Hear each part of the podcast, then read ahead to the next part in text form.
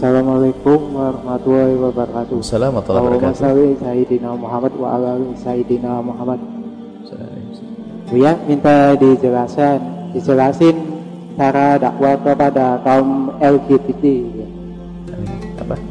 Minta dijelasin buat dakwah ke kaum LGBT.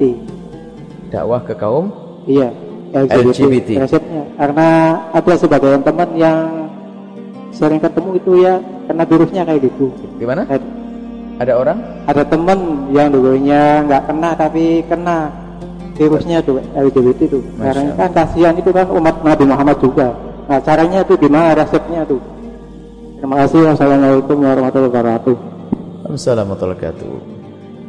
Dakwah kepada kaum LGBT, kaum homo atau kaum lesbi. Pertama adalah dakwah kepada mereka adalah memohon kembali kepada jalan yang benar.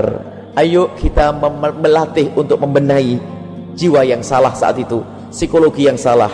Anda bisa belajar, mencoba, mencoba dan mencoba untuk menghindari dari itu semuanya.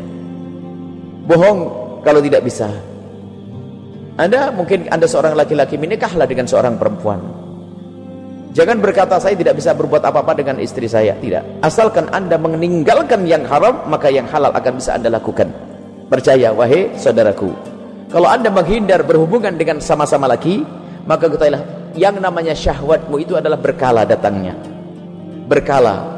Berkala ada saat harus tiba dan harus dilampiaskan. Selagi Anda menghindar dari laki-laki, Anda seorang laki-laki, menghindar dari melampiaskan sahabat dengan laki-laki, maka pasti Anda bisa melampiaskan sahabat dengan seorang perempuan pada suatu ketika nanti.